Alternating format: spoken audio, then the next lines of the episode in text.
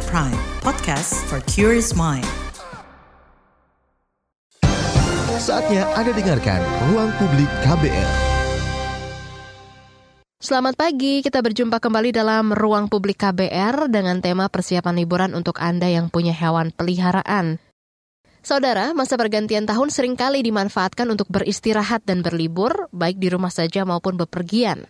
Selain untuk mengistirahatkan diri dan pikiran, tujuan berlibur juga untuk menikmati momen kebahagiaan. Namun untuk pemilik hewan peliharaan, pergi berlibur kadang jadi berat karena harus meninggalkan peliharaan kesayangan. Gak sedikit juga yang jadi sedih saat liburan sampai nggak bisa menikmati liburan dengan maksimal. Nah, apa saja yang harus dipersiapkan sebelum pergi liburan meninggalkan hewan peliharaan? Dan apakah mungkin untuk mengajak hewan peliharaan berlibur bersama? Pagi hari ini di ruang publik KBR kita akan perbincangkan mengenai masalah ini dengan narasumber kita ada Dr. Hewan R. Fitri, Dr. Hewan di Pampamdo, dan juga Carolina Fajar, Head of Operations dari Let's Adopt Indonesia. Pada segmen ini kita akan berbincang dengan Dr. Fitri, Dr. Hewan di Pampamdo, tentang persiapan meninggalkan hewan peliharaan sebelum berlibur. Baik, Dokter Fitri, liburan kan identik nih dengan sesuatu yang menyenangkan. Tapi gimana bagi pemilik hewan peliharaan atau anabul, anak bulu? Liburannya bisa jadi momen yang membingungkan juga bagi mereka karena harus meninggalkan sang anabul. Supaya pemilik anabul ini nggak galau pas lagi mau liburan, apa yang harus dipersiapkan kalau mau pergi tanpa anabul?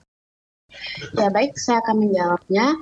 Oh, ada beberapa tips sebenarnya meninggalkan hewan peliharaan saat liburan. Yang pertama, tentunya kita harus memastikan kondisi hewan atau nabul kita sendiri itu dalam keadaan sehat. Okay. Misalnya kita bisa check up dulu ke vet uh, dan lain-lain. Yang kedua, kita bisa titipkan ke teman atau saudara terdekat. Hmm. Nah, kenapa kita titipkan dulu ke teman atau saudara terdekat? Itu adalah mm, menurut saya itu adalah orang yang paling dapat bertanggung jawab terhadap hewan kesayangan kita. Mm-hmm. Yang kedua, kita bisa mencari yang selanjutnya kita bisa mencari tempat penitipan hewan jika mm-hmm. uh, tidak ada saudara atau teman yang bisa dititipkan anak buah kita. Mm-hmm. Nah, untuk penitipan hewan sendiri kita harus uh, lebih teliti dalam mencarinya mm-hmm. karena kita harus mem, apa memastikan hewan kita dalam keadaan nyaman. Okay. Seperti kita harus memastikan uh, kondisi penitipan bagaimana, karyawan penitipan hewan seperti apa dalam menghadapi anabul-anabul dan seterusnya. Yang ketiga, kita, yang selanjutnya kita harus vaksin vaksinasi hewan harus lengkap serta obat cacing. Oke, jadi kita harus make sure dulu si anabul ini dengan check up kesehatannya, kemudian kita bisa menitipkan atau minta tolong ke saudara dan juga teman uh, atau juga ke penitipan hewan dan di make sure juga bahwa anabul kita sudah divaksin ya. Uh, Oke, okay. dokter, uh, selain check up, ada nggak sih vitamin dan obat-obatan yang harus disiapkan juga, dok? Baik, untuk uh, vitamin dan obat-obatan lain itu tergantung pada anabulnya sendiri. Misalnya hmm. ada anabul berkebutuhan khusus, misalnya ada penyakit pada ginjal, mereka harus kita titipkan vitamin ginjal, makanan ginjal atau renal. Hmm. Sedangkan anabul yang tidak memiliki kebutuhan khusus, uh, mungkin kita bisa menitipkan vitamin harian seperti mm -hmm. beberapa merek dan vitamin kulit dan rambut seperti omega. Oh, nah selanjutnya, okay. ya agar anabul juga nggak stres mm -hmm. nih selama kita tinggalin, mereka harus kita siapkan juga, misalnya permainan mereka yang mm, uh, yeah. permainan mereka selama di rumah kita harus ninggalin juga ke penitipan hewan. Oke, okay, baik. Nah, ketika kita mau meninggalkan anabul di rumah dan juga kita minta tolong nih sama orang lain untuk sewaktu-waktu bisa lihat kondisi mereka.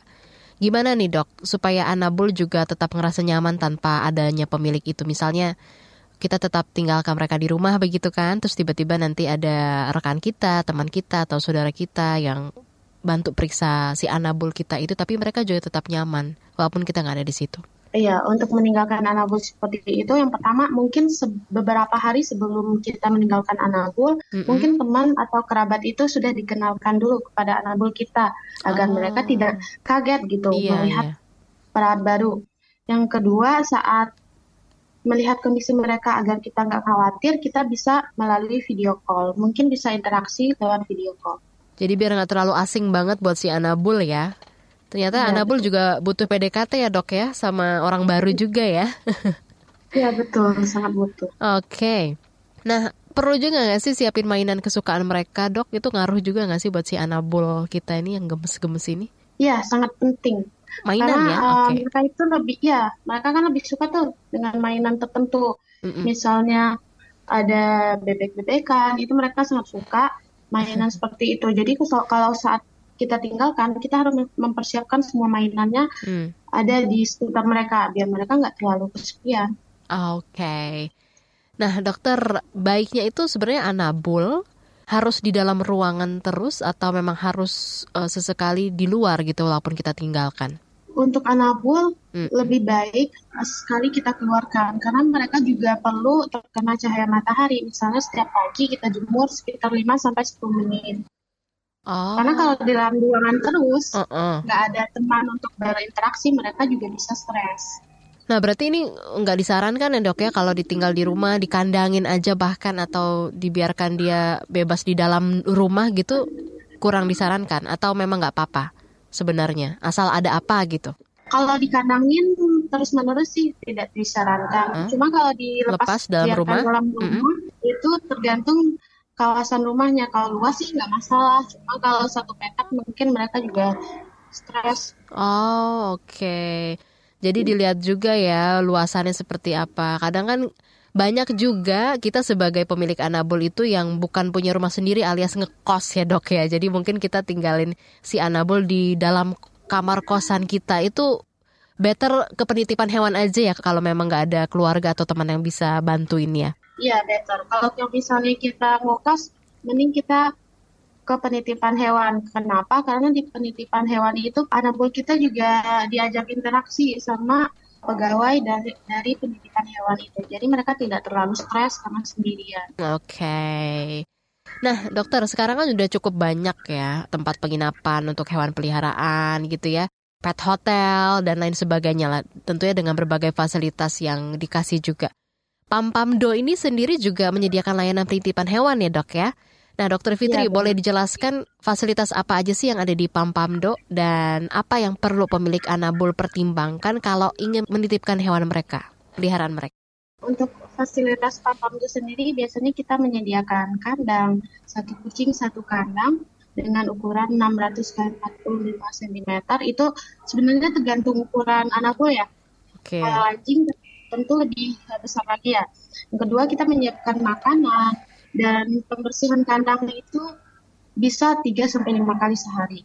Serta kalau di Pampamdu itu positifnya kita pegawainya semuanya pecinta hewan. Jadi setiap hari itu anabul kita pasti di rolling untuk diajak bermain. Oh gitu ya, jadi memang suka lah sama hewan ya, tentunya seperti itu. Nah, kalau di Pampamdo sendiri itu boleh tahu nggak sih range harganya kalau per malamnya berapa? Mungkin ada yang mingguan atau ada yang bahkan bulanan. Berapa dok? Ada promo nggak nih lagi masa liburan gini? Hmm, biasanya kita sebenarnya kalau harga biasa sama harga liburan agak beda ya. Hmm, Untuk harga biasa biasanya kita penitipan hewan sehat itu harganya 75.000 per hari. oke. Itu udah include makan, pembersihan kandang dan vitamin. Mm-mm. Nah, namun di masa liburan ini harganya jadi naik tergantung permintaan yang cukup banyak ya. Jadi harganya 100.000 Mm-mm. per hari dengan fasilitas yang sama. Serta biasanya kita penitipan 10 hari kita free grooming kutu jamur. Oh, Oke, oke. Oke, kita balik lagi nih, dok. Kalau ngomongin soal kita mau tinggal-tinggalin si anabul alias anak bulu alias hewan peliharaan kita ya. Apa yang perlu pemilik anabul pertimbang ini kalau pingin titipin hewan peliharaan mereka? Yang Apa pertama emang oh, kalau saya eh, tergantung anabulnya ya. Kalau Hmm. mereka emang pengen meninggalkan atau menitipkan anabulnya, saya harapkan mereka memang dalam kondisi sangat sehat. Jika berkebutuhan khusus, memang harus dititipkan ke tempat yang benar-benar bisa bertanggung jawab. Karena kalau berkebutuhan khusus, mereka memerlukan perlakuan lebih ya. Hmm. Yang kedua, tempat. Tempat penitipan harus sangat diseleksi. Karena nggak semua tempat penitipan hewan, pet shop itu bertanggung jawab terhadap anabul kita. kita harus sangat memperhatikan itu. Yang ketiga itu buku vaksinasinya tentu karena setiap penitipan hewan pasti meminta buku vaksinasi agar tidak menularkan penyakit dari hewan kita ke, ke anabul lain. Yang, ke, yang selanjutnya itu harus bebas kutu dan jamur. Oke, nice banget. Itu kalau kita mau titipin hewan ya dokter ya. Tapi hmm. kalau case-nya dibalik hewannya akan kita bawa ke tempat kita mau pergi liburan gitu. Apa aja sih yang biasanya harus dimiliki atau jadi syarat-syarat tertentu dari pemilik anabul itu sendiri dok? Baik dari anabulnya dan juga oh, iya. persiapan dari si pemilik anabulnya. Beberapa hal yang perlu kita siapkan saat anabul kita dibawa pergi liburan ya.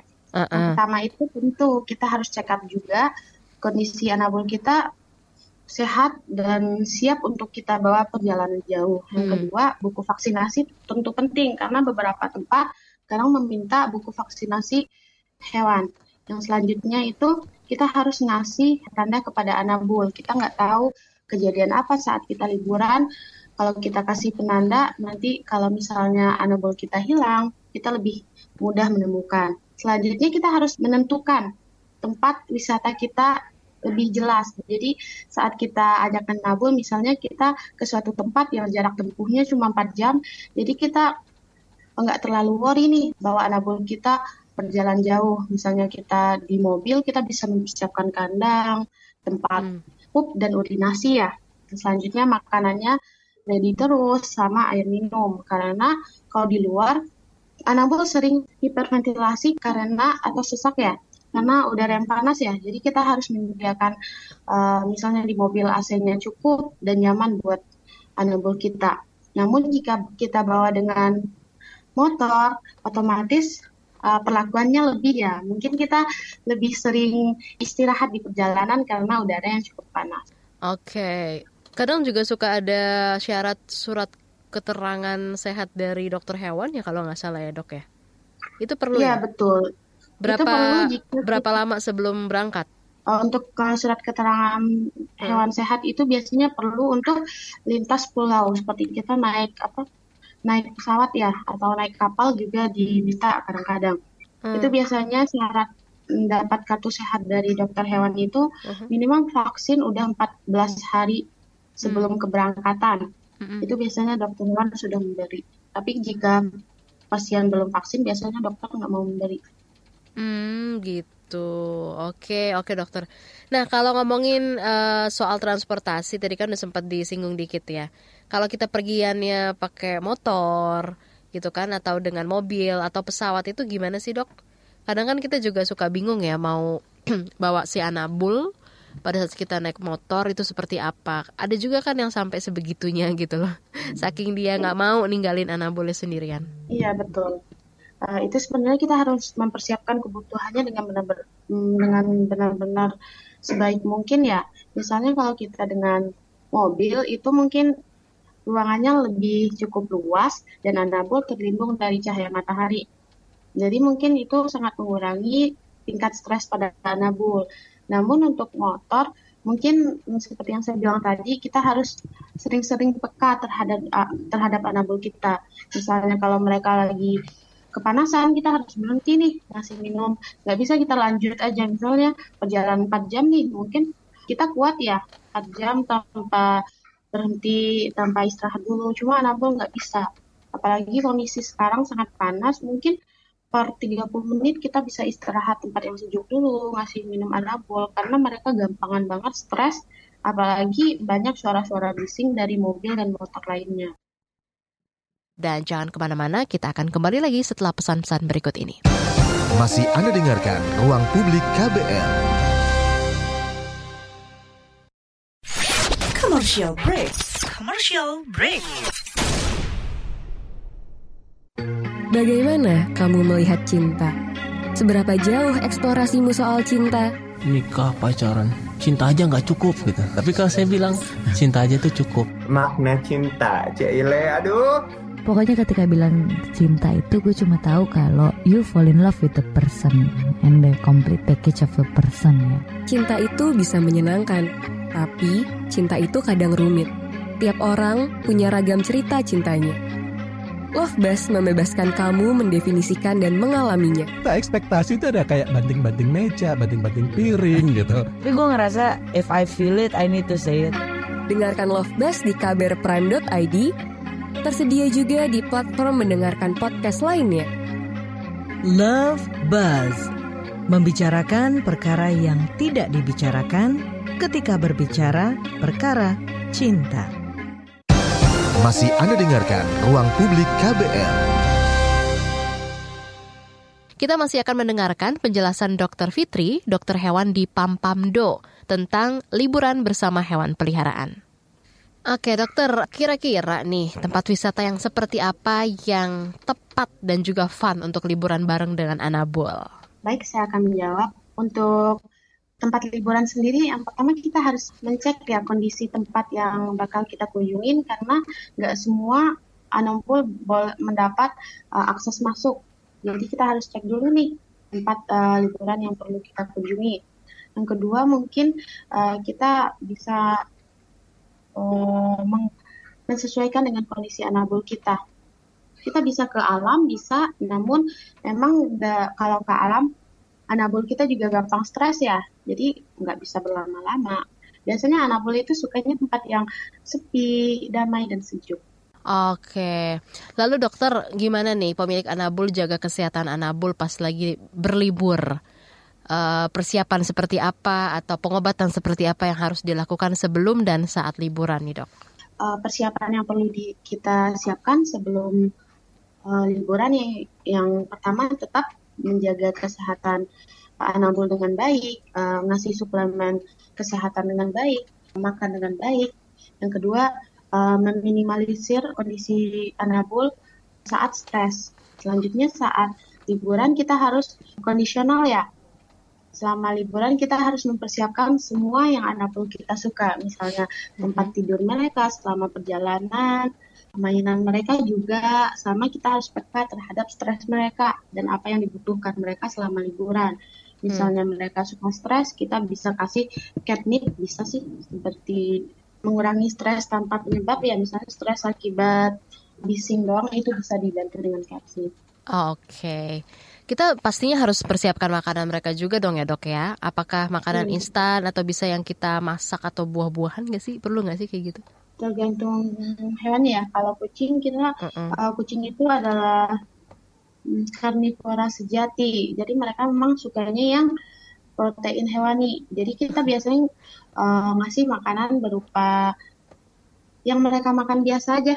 Misalnya di rumah hmm. mereka suka dry food merek tertentu kita ngasih. Cuma kalau mereka karena dalam perjalanannya perjalanan langsung makan berkurang kita bisa membantu dengan snack dulu atau wet food. Oke dokter lanjut lagi nih kalau kita ngomongin soal liburan dan bersenang-senang gitu ya dokter ya Kira-kira ya. kegiatan apa saja yang bisa dilakukan sama anabul supaya mereka jadi nggak bosan atau tetap menikmati liburan dengan majikannya juga Kegiatan yang perlu kita lakukan ya interaksi biasanya hmm. kita bawa kita ajak jangan malah dicuekin ya pada saat kita ajak hmm. pergi oke okay. lalu kita harus interaksi terus karena iya sih, uh, anak ini sangat peka. Misalnya kalau kita cuek aja mereka itu pasti murung dan sedih. Aduh gemes banget. Ya, oke jadi uh, anabul itu hewan itu intinya butuh interaksi juga ya dengan uh, majikannya ya dokter ya jadi iya, bukan berarti karena kita sudah bawa mereka, jadi mereka nggak merasa kesepian. Jadi ketika kita bawa mereka ada di mana, dengan komunikasi kita dengan mereka, interaksi lah ya pastinya dengan mereka itu membuat mereka nggak merasa kesepian. Ya, Oke, okay. sama aja kayak sama anak kita kali ya dok. Ya, Tetap seperti itu, itu ya. jauh beda sama bayi. Oke. Okay.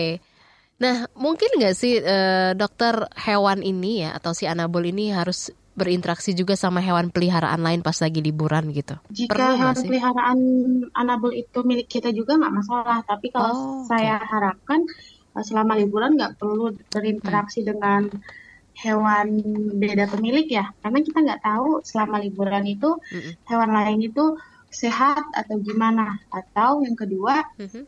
Hmm, hewan mungkin ketemu hewan asing, anabul kita ketemu hewan asing juga risih, mereka perlu pendekatan juga jadi nggak perlu sih ketemu kucing lain atau hewan lain Oke oke. Nah kalau sama hewan lain atau hewan jalanan itu berarti nggak nggak disarankan ya dok ya, malah nanti be- jadinya Iya. berantem ya. ya selain itu juga Heeh. sebagai transmisi penjawa- pembawa penyakit juga bisa apalagi Juga eh, kita nggak tahu anak ya. liar ya Mm-mm, mm-mm, mm. Ada larangan lain juga nggak dok selama liburan? Eh, maksudnya do's and don'ts-nya untuk si anabul kita nih dok. larangan lainnya misalnya nih eh, yang paling sering dilakuin sama maji eh, sama pemilik hewan sel- selama liburan itu memberi apa yang mereka makan ke anabulnya. Itu sebenarnya nggak terlalu disaranin ya. Mm-mm. karena misalnya biskuit nih keseringan dikasih ke Hmm. ke hewannya itu juga nggak bagus. Walaupun mereka tetap makan itu sebenarnya nggak bagus. Karena kadar gulanya kadar gula yang kita makan itu tinggi. Jadi kita kasihin ke uh, anjing atau pun kucing itu nggak nggak nggak nggak direkomendasikan Oh jadi harusnya pola makannya yang gimana dok? Kalau nggak boleh keseringan kasih kayak snacknya gitu ya? snacknya nggak apa-apa tapi apa yang kita makan itu nggak Oh. boleh nanti ya. Jadi maksudnya bukan makanan khusus eh, anabul ya, yang nggak boleh sering-sering kita kasih ya? Iya betul Kadang kan gitu kan, kita tuh lagi makan donat, kita kasih, eh dia suka, kita kasih lagi. ya kita kasih lagi itu Saya kucing aku juga dulu suka banget sama donat, jadi aku kasih kayaknya dia suka deh gitu. Itu nggak boleh ya dok, keseringan ya ternyata ya. nggak boleh iya betul Oke, dokter. Kalau ngomongin soal liburan sana sama Anabul itu kan hal yang menyenangkan ya, dokter ya. Nah, tapi di satu sisi mungkin ada juga dari pendengar yang merasa jadi aduh, kayaknya setelah aku pulang liburan bahkan liburan ini akan lama begitu ya. Memungkinkan nggak sih dok kalau misal nih ya si Anabul ini dipindah tangankan kepada pihak lain, misalnya dia mau lepas liarkan lagi, misalnya si Anabul ini eh, tadinya dia ambil gitu kan dari rescue begitu, terus nanti dia mau coba eh, balikin lagi. Ini better seperti apa ya dok ya saran dari dokter untuk si Anabul ini? Kadang kan kasihan juga ya kita udah rawat, terus kita kayaknya mau coba pindah tangankan ke orang lain. Eh, saran saya memang kalau mereka benar-benar eh, sayang ke anabulnya tentu tidak dilepas tangankan ya. Atau yang kedua eh, jangan diliarkan lebih baik kita cari foster buat anabul kita. Karena kalau kita dengan pos dengan majikan baru mungkin mereka lebih Hmm, eh, dirawat ya. terawat ya daripada diliarin lagi karena mereka udah survive-nya karena kita bantu bukan survive eh, dengan apa kemampuan mereka sendiri di lingkungan. Oh, oke. Oke, baik dokter. Jadi memang kalau memang misal pada awalnya itu mereka adalah hewan liar, kemudian kita adopt gitu ya. Terus kita mau coba eh, lepas liarkan lagi jangan ya, Dok ya. Lebih baik kita cari eh, pemilik barunya saja, begitu ya. Iya betul. Oke, dokter, kalau ngomongin setelah liburan, anabul yang aktif bisa jadi capek ya atau kelihatannya kelelahan sampai akhirnya sakit. Gimana dok, make sure supaya anabul ini nggak sakit pas pulang liburan dan nggak jadi dampak eh, pada majikan atau sebaliknya? Buat mengurangi risiko tersebut tentunya kita selama liburan kita harus peka juga terhadap kucing kita atau anabul kita. Itu yang kedua, habis liburan kita harus lanjut check up ke dokter. Karena beberapa anabul itu mereka tidak menunjukkan gejala klinis yang pasti saat mereka memulai tahap awal sakit. Jadi awal baru datang pulang liburan kita harus check up ke dokter langsung. Oke, jadi setelah pulang liburan kita langsung check up ke dokter lagi. Karena beberapa anabul nih mereka terlihat sehat, namun dua atau tiga hari di rumah mereka itu ngedrop. Oh, Jadi oke. itu gejala klinis itu belum ditunjukkan sama anabul. Oke, baik dokter. Terakhir pesan untuk pemilik anabul yang sekarang mungkin masih memutuskan ingin menitipkan anabul atau mau ngajak mereka saat liburan. Eh, ya, buat pesan buat pet owner yang mau menitipkan anabul ke penitipan, yang pertama kita harus make sure itu tempat penitipannya sangat bertanggung jawab eh, dan kucing kita akan nyaman berada di tempat penitipan. Kondisi ke- kesehatan eh, anabul kita harus udah baik ya. Selanjutnya eh, kita harus meninggalkan makanan yang mereka suka, permainan yang mereka suka dan lain-lain. Untuk eh, para pet owner yang mau membawa anabulnya saat liburan, kita harus mempersiapkan apa pun kebutuhan anabol kita selama perjalanan dengan baik. Dan kita harus peka terhadap gejala-gejala tertentu yang muncul uh, selama perjalanan yang membuat mereka menjadi stres. Oke, baik. Terima kasih banyak dokter hewan uh, di Pampamdo ada dokter Fitri untuk waktu Anda di ruang publik KBR pagi hari ini dengan tema kita persiapan liburan untuk Anda yang punya hewan peliharaan.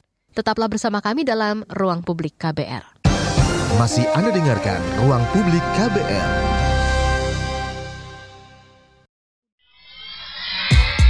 Yuk follow social media KBR Twitter at Berita KBR, Instagram at kbr.id, Youtube Berita KBR. Masih Anda dengarkan Ruang Publik KBR. Terima kasih untuk Anda yang masih setia mendengarkan Ruang Publik KBR hari ini dengan tema persiapan liburan untuk Anda yang punya hewan peliharaan. Pada segmen ini kita akan berbincang dengan Carolina Fajar, Head of Operations dari Let's Adopt Indonesia LAI, tentang hewan peliharaan sebagai hadiah bagi anak.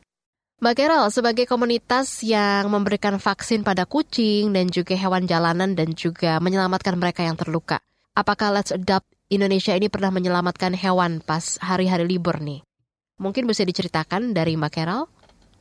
Oke, jadi kami sebenarnya kalau khusus hari-hari libur saja uh, nggak sespesifik itu ya. Mm -hmm. Jadi kita itu menyelamatkan hewan memang tidak tentu. Oh, Oke. Okay. Ya di hari biasa juga, di hari libur juga iya gitu.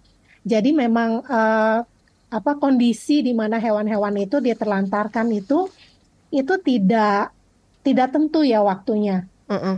Nah, termasuk hari-hari libur juga. Jadi kalau ditanya pernah menyelamatkan, hmm. uh, rasanya pernah, cuma memang uh, kami tidak hafal satu persatu ya hmm. uh, hari apa waktu itu uh, dalam liburan apa dia diselamatkan. Hmm. Hmm. Jadi bisa dibilang nggak ada tanggal merahnya dong ya? Nggak ada. Jadi oh. laporan mengenai hewan terlantar itu itu setiap hari pasti Every ada. day. Oh, uh, okay. Di DM kami gitu. Tapi apakah pas hari libur malah semakin banyak uh, hewan liar atau angkanya jadi sama, sama aja nih, Mbak Carol? Kalau di kami sih sama aja sih. Sama, jadi ya? uh, tidak bertambah banyak di saat hari libur. Cuma memang hari-hari libur ini mungkin orang-orang karena lagi berpergian ya, jadi iya. uh, kendalanya itu agak sulit kalau diminta untuk uh, menolong langsung di lokasi gitu. Oh oke, okay. jadi lebih ke apa namanya ke hadirannya si orang-orang ini yang sebenarnya agak lebih sedikit sulit dijangkau karena pada saat waktu liburan begitu ya. Volunteernya hmm. juga lagi liburan gitu ya ceritanya ya. Bisa jadi seperti itu. Jadi kita agak kesulitan sih. Iya.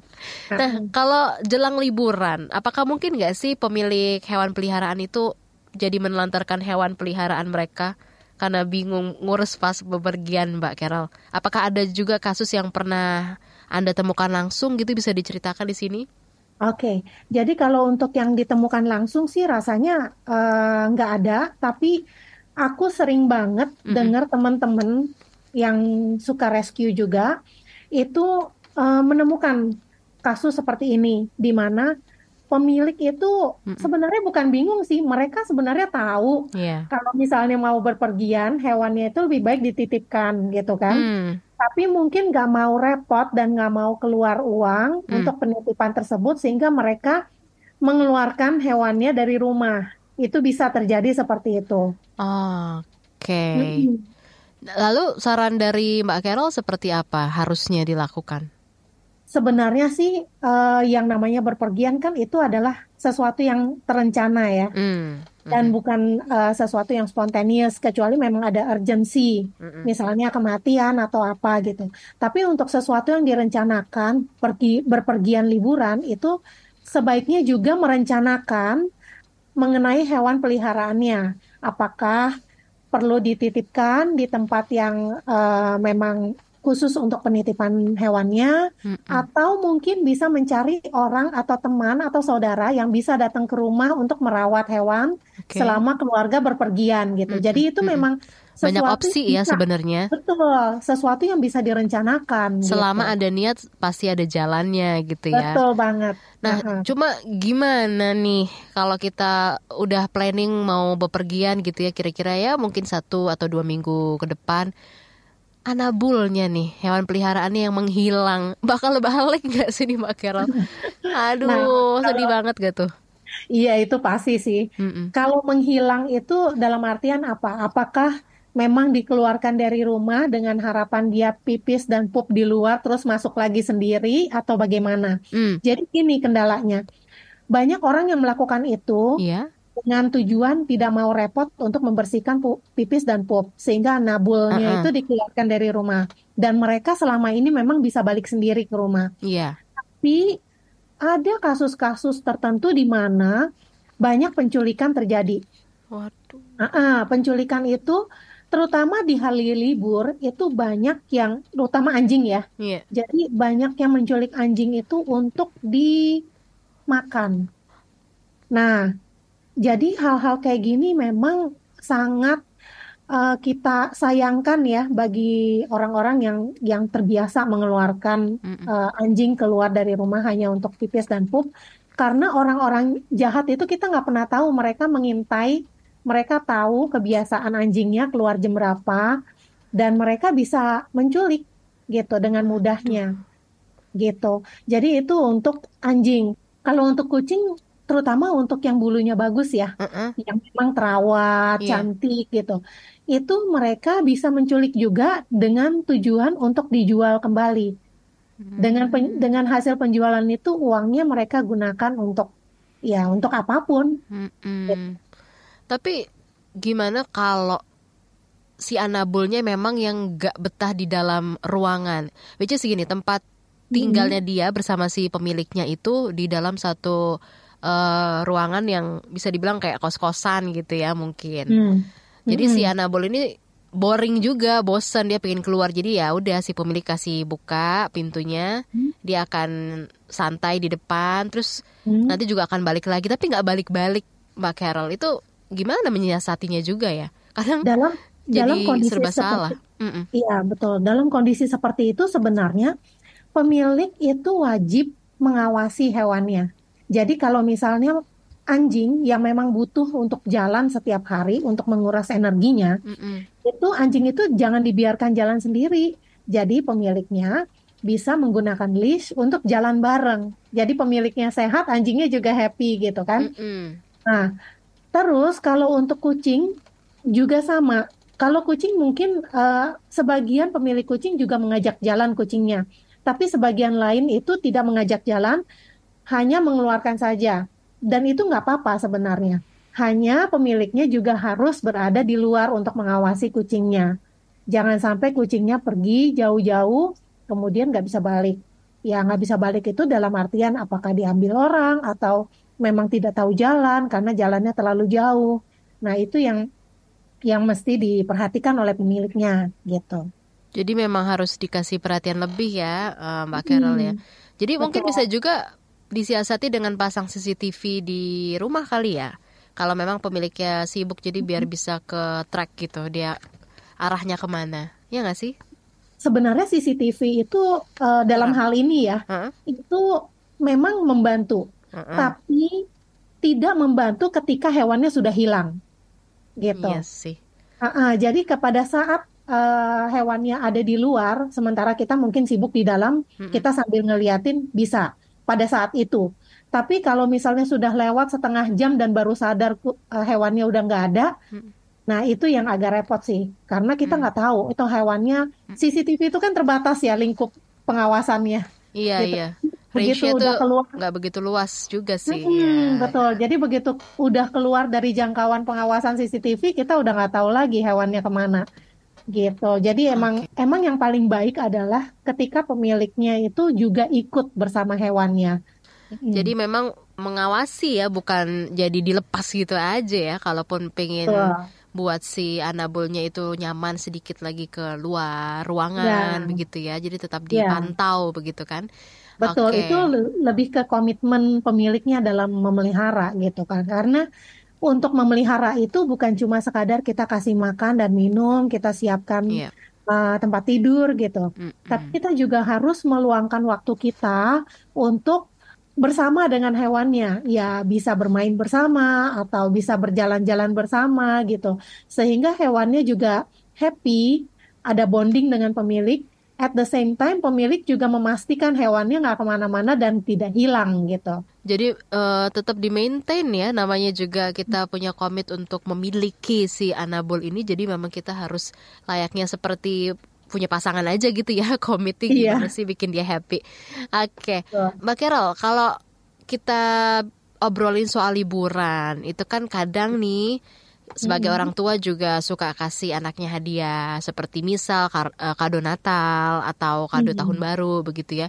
Kadang hmm. juga nggak jarang saya lihat gitu ya di medsos-medsos begitu uh, suka ada yang kasih kado itu dalam bentuk hewan peliharaan. Nah, yeah. gimana nih tanggapan Anda soal memberikan hadiah hewan peliharaan pada anak? Oke, jadi untuk pemberian hewan peliharaan sebagai hadiah, mm -mm sebenarnya yang perlu dipertanyakan itu adalah komitmen orang tuanya. Oh. Bukan anaknya happy atau tidak menerima hadiah itu. Yes. Aku rasa hampir hampir semua anak itu memang suka dengan yeah. Iya. uh, hewan, hewan ya. Iya. Hampir semua. Aku nggak nggak bilang semua nih. Uh -uh, hampir. Nah, Okay. Tapi begitu hewan itu berada di dalam keluarga, yang mengurus itu bukan anak. Orang Karena tuanya. anak itu tidak bisa diberi tanggung jawab sebesar itu. Mm-mm. Gitu. Mereka sifatnya hanya membantu, tapi tidak me, apa ya menerima tanggung jawab untuk mengurusi hewannya mulai dari makan, minum, membersihkan pipis, membersihkan pup, mm. ngajak jalan itu bukan tugas anak, tapi tugas orang tua. Yeah. gitu. Jadi kalau misalnya orang tua tidak ada komitmen untuk melakukan itu semua mm. dan berharap anaknya yang melakukan, lebih baik jangan memberikan hewan peliharaan kepada anaknya. Ah, Oke, okay. hmm. jadi uh, ketika kita mau memutuskan untuk memberikan gift hewan peliharaan kepada anak yang harus komit adalah kitanya sebagai orang tua karena anak itu biar senang-senangnya aja ya. Iya. Jadi dalam dalam hal ini memang mereka itu mm. lebih ke membantu. Yeah. Misalnya kalau kita minta tolong anak mm. untuk memberikan makan, yeah. itu ada sesuatu yang yeah, yeah. Uh, mereka bisa lakukan dan mereka akan senang hati melakukan itu gitu. Tapi kalau semua beban itu dibebankan kepada anak, tentu anak menjadi tidak enjoy. Nah ini nih, jadi uh gimana nih supaya orang tua bisa ngajarin anaknya supaya ikut tanggung jawab ngurusin hewan peliharaan, uh, Mbak Carol? Okay sebenarnya ekspektasi itu tentu harus ada bahwa yeah. anaknya itu punya sekian persen tanggung okay. jawab untuk memelihara hewan karena hewan ini adalah part of the family. Jadi semua yes. orang harus ikut berpartisipasi dalam memelihara gitu. Mm -mm. Jadi pelan-pelan itu diajarinnya. Jangan langsung membebankan 100% pada anak. Jadi mungkin dimulai dengan uh, anaknya ngajak main dulu yang paling gampang. Jadi kalau ada waktu diajak main. Hmm. Lalu mungkin bisa bertahap memberikan makan setiap hari. Hmm.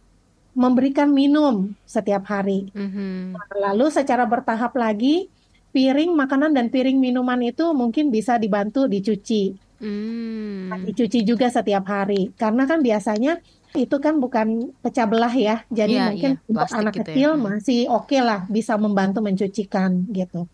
Kemudian dari situ pelan-pelan diberikan tanggung jawab lebih lagi. Jadi memang tanggung jawab ini diberikan secara bertahap dan tidak boleh langsung semuanya diberikan kepada anak. Ah, oke. Okay. Jadi step by step ya, nggak langsung hmm. jebret, langsung berat gitu. Iya. Okay. Dan itu juga berlangsungnya juga bukan dalam hitungan minggu ya. Iya. Mungkin hitungan tahunan gitu loh. Jadi dibangun dulu habitnya ya, tentunya Betul. gitu supaya nanti jadi terbiasa. Kalau nggak melakukan itu kok kayak ada yang kurang gitu. Tetaplah bersama kami dalam Ruang Publik KBR. Masih Anda dengarkan Ruang Publik KBR. Commercial break. Commercial break.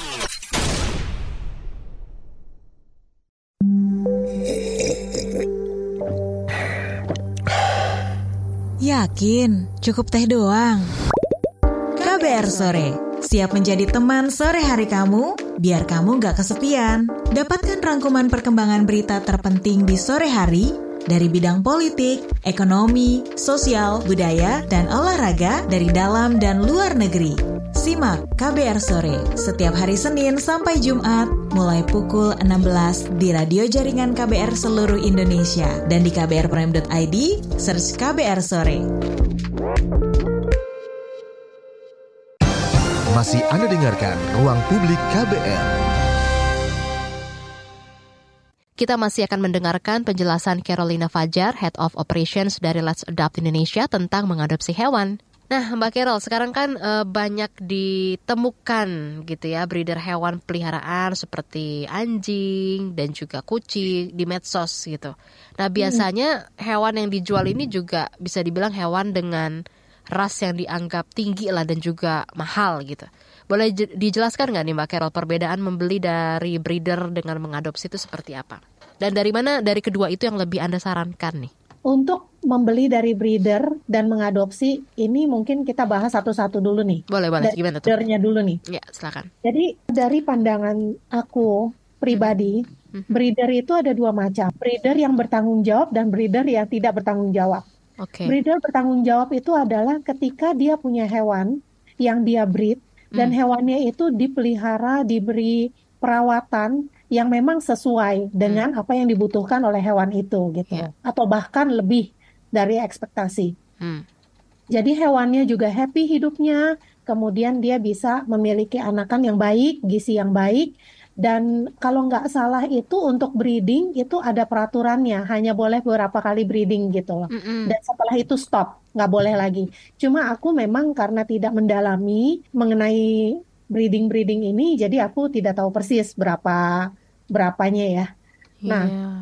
untuk breeder yang tidak bertanggung jawab adalah mereka yang menginginkan anakan secara instan, cepat, mm -hmm. dan penjualannya juga berlangsung cepat, sehingga mereka hanya memikirkan bisnisnya saja.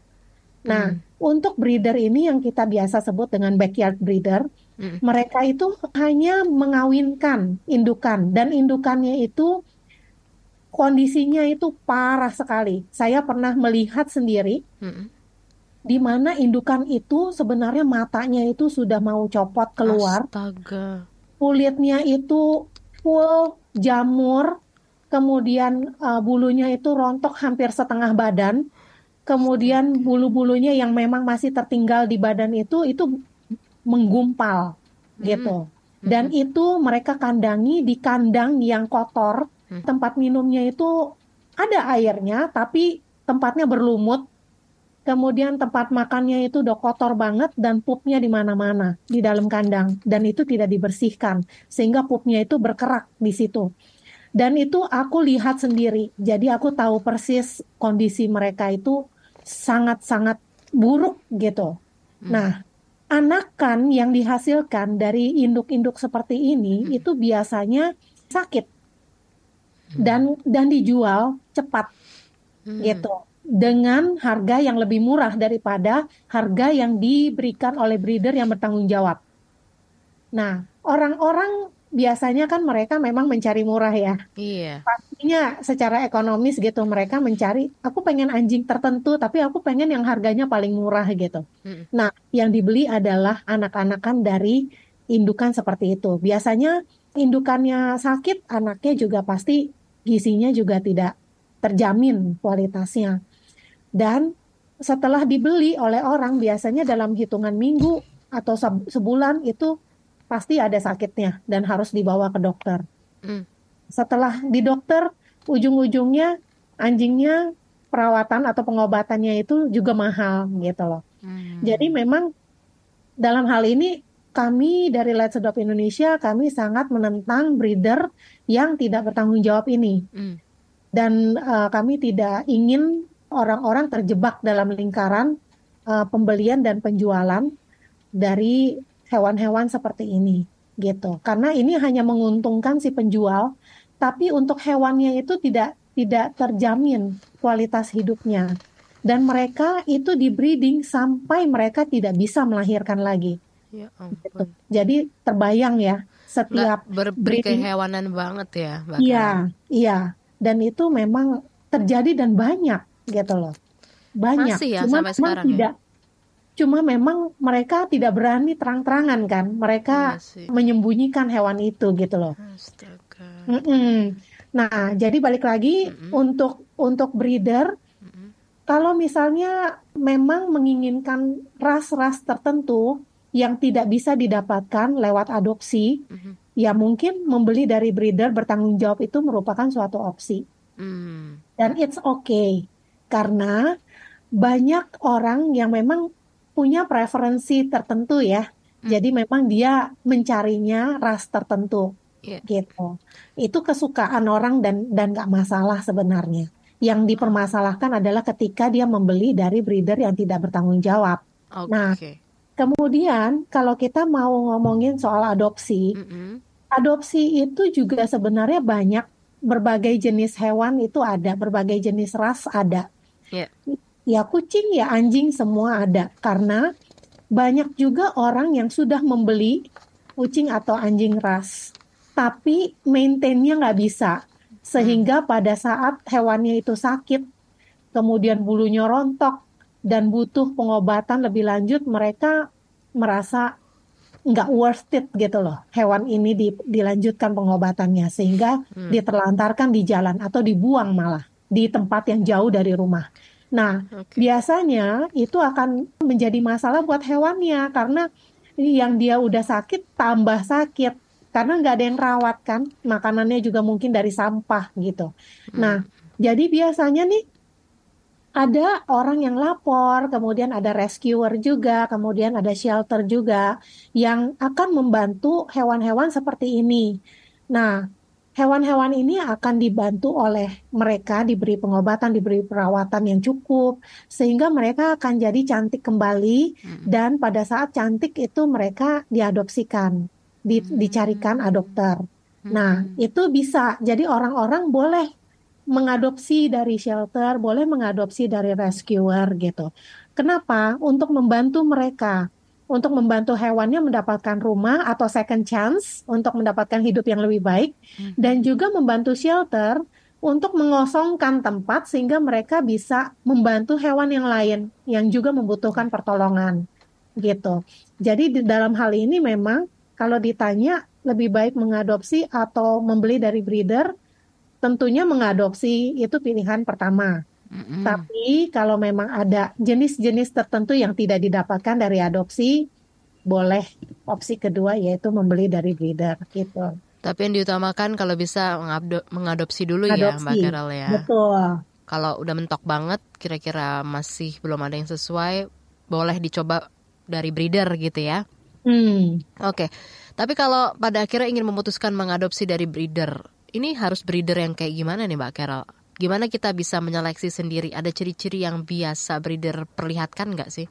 Biasanya breeder yang bertanggung jawab itu akan membuka pintu jika kita mau melihat indukannya. Oh gitu, oke. Ya. Jadi memang mereka itu menjual tapi mereka eh, terbuka untuk orang-orang melihat indukannya seperti apa. Iya, fair Sementara- sih, iya benar. Sementara backyard breeder nggak berani karena dengan Iya. kondisi indukannya yang parah itu orang-orang yakin mereka akan mundur, nggak akan beli dari dia gitu. Dan biasanya mereka itu tidak membuka pintu dan mereka jualnya lewat pet shop. Oh, gitu. Jadi yang mereka Oke. kasih ke pet shop itu anakannya. oh gitu. Mm-mm, indukannya kan mereka akan simpen karena akan terus di-breed.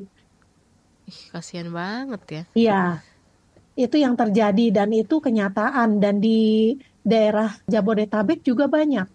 Dan di daerah di luar Jabodetabek juga banyak sebenarnya, cuma memang mungkin belum terekspos gitu. Hmm, ada ini nggak sih kayak jadi ada langkah-langkah apa yang dilakukan mungkin dari Let's Adopt dengan adanya breeder-breeder seperti itu atau memang Kalau begitu aja? Jadi gini, sebenarnya untuk organisasi-organisasi eh, serupa ya atau komunitas itu ada yang memang Khusus. memiliki ah, ah, memiliki kapasitas untuk mengusut kondisi-kondisi seperti ini. Jadi backyard breeder. Iya. Nah, kalau untuk Let's Adopt Indonesia karena kita fokusnya itu sterilisasi, Mhm. jadi kita memang belum ada kapasitas untuk eh, mengusut lebih jauh mengenai eh, kondisi-kondisi buruk ini gitu loh. Oke, baik. Ini uh, insight baru juga ya untuk kita bisa ketahui bersama juga pendengar dan juga mungkin pemilik Anabul yang sekarang lagi mendengarkan. Jadi kita bisa tahu atau mungkin calon pemilik Anabul gitu ya Mbak Carol ya juga bisa tahu. Ya. Nah tapi ini kan soal liburan kita sebagai pemilik hewan gitu kan persiapannya seperti apa. Mungkin pesan dan juga harapan dari Mbak Carol untuk pendengar yang ingin adopsi atau ingin punya hewan di masa pergantian tahun ini seperti apa? Silakan Mbak Carol. Untuk mengadopsi mungkin bisa dicek dulu lifestyle keluarga masing-masing nih.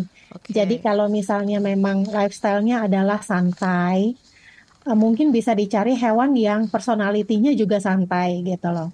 Mm-hmm. Uh, terutama untuk mengadopsi anjing, anjing itu kan ada yang tipenya anjing memang pekerja, yang memang harus jalan setiap hari. Mm menguras energinya itu harus banyak gitu ya. Yes. Ada juga anjing yang memang tipenya itu males-malesan gitu.